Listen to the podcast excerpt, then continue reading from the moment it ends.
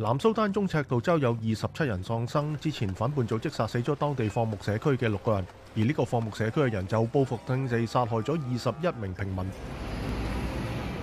英国火车司机就工资同工作条件举行第二次罢工，呢个系英国长达几个月嘅劳资纠纷当中嘅最新一次罢工。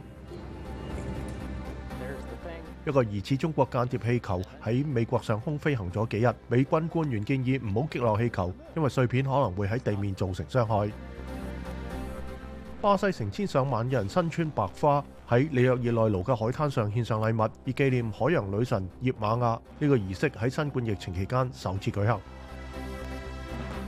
澳洲開始調查一枚硬幣大小嘅色一三七膠囊，係點喺今年一月從西澳洲沙漠當中一辆力拓集團擁有嘅矿用卡車上失去嘅。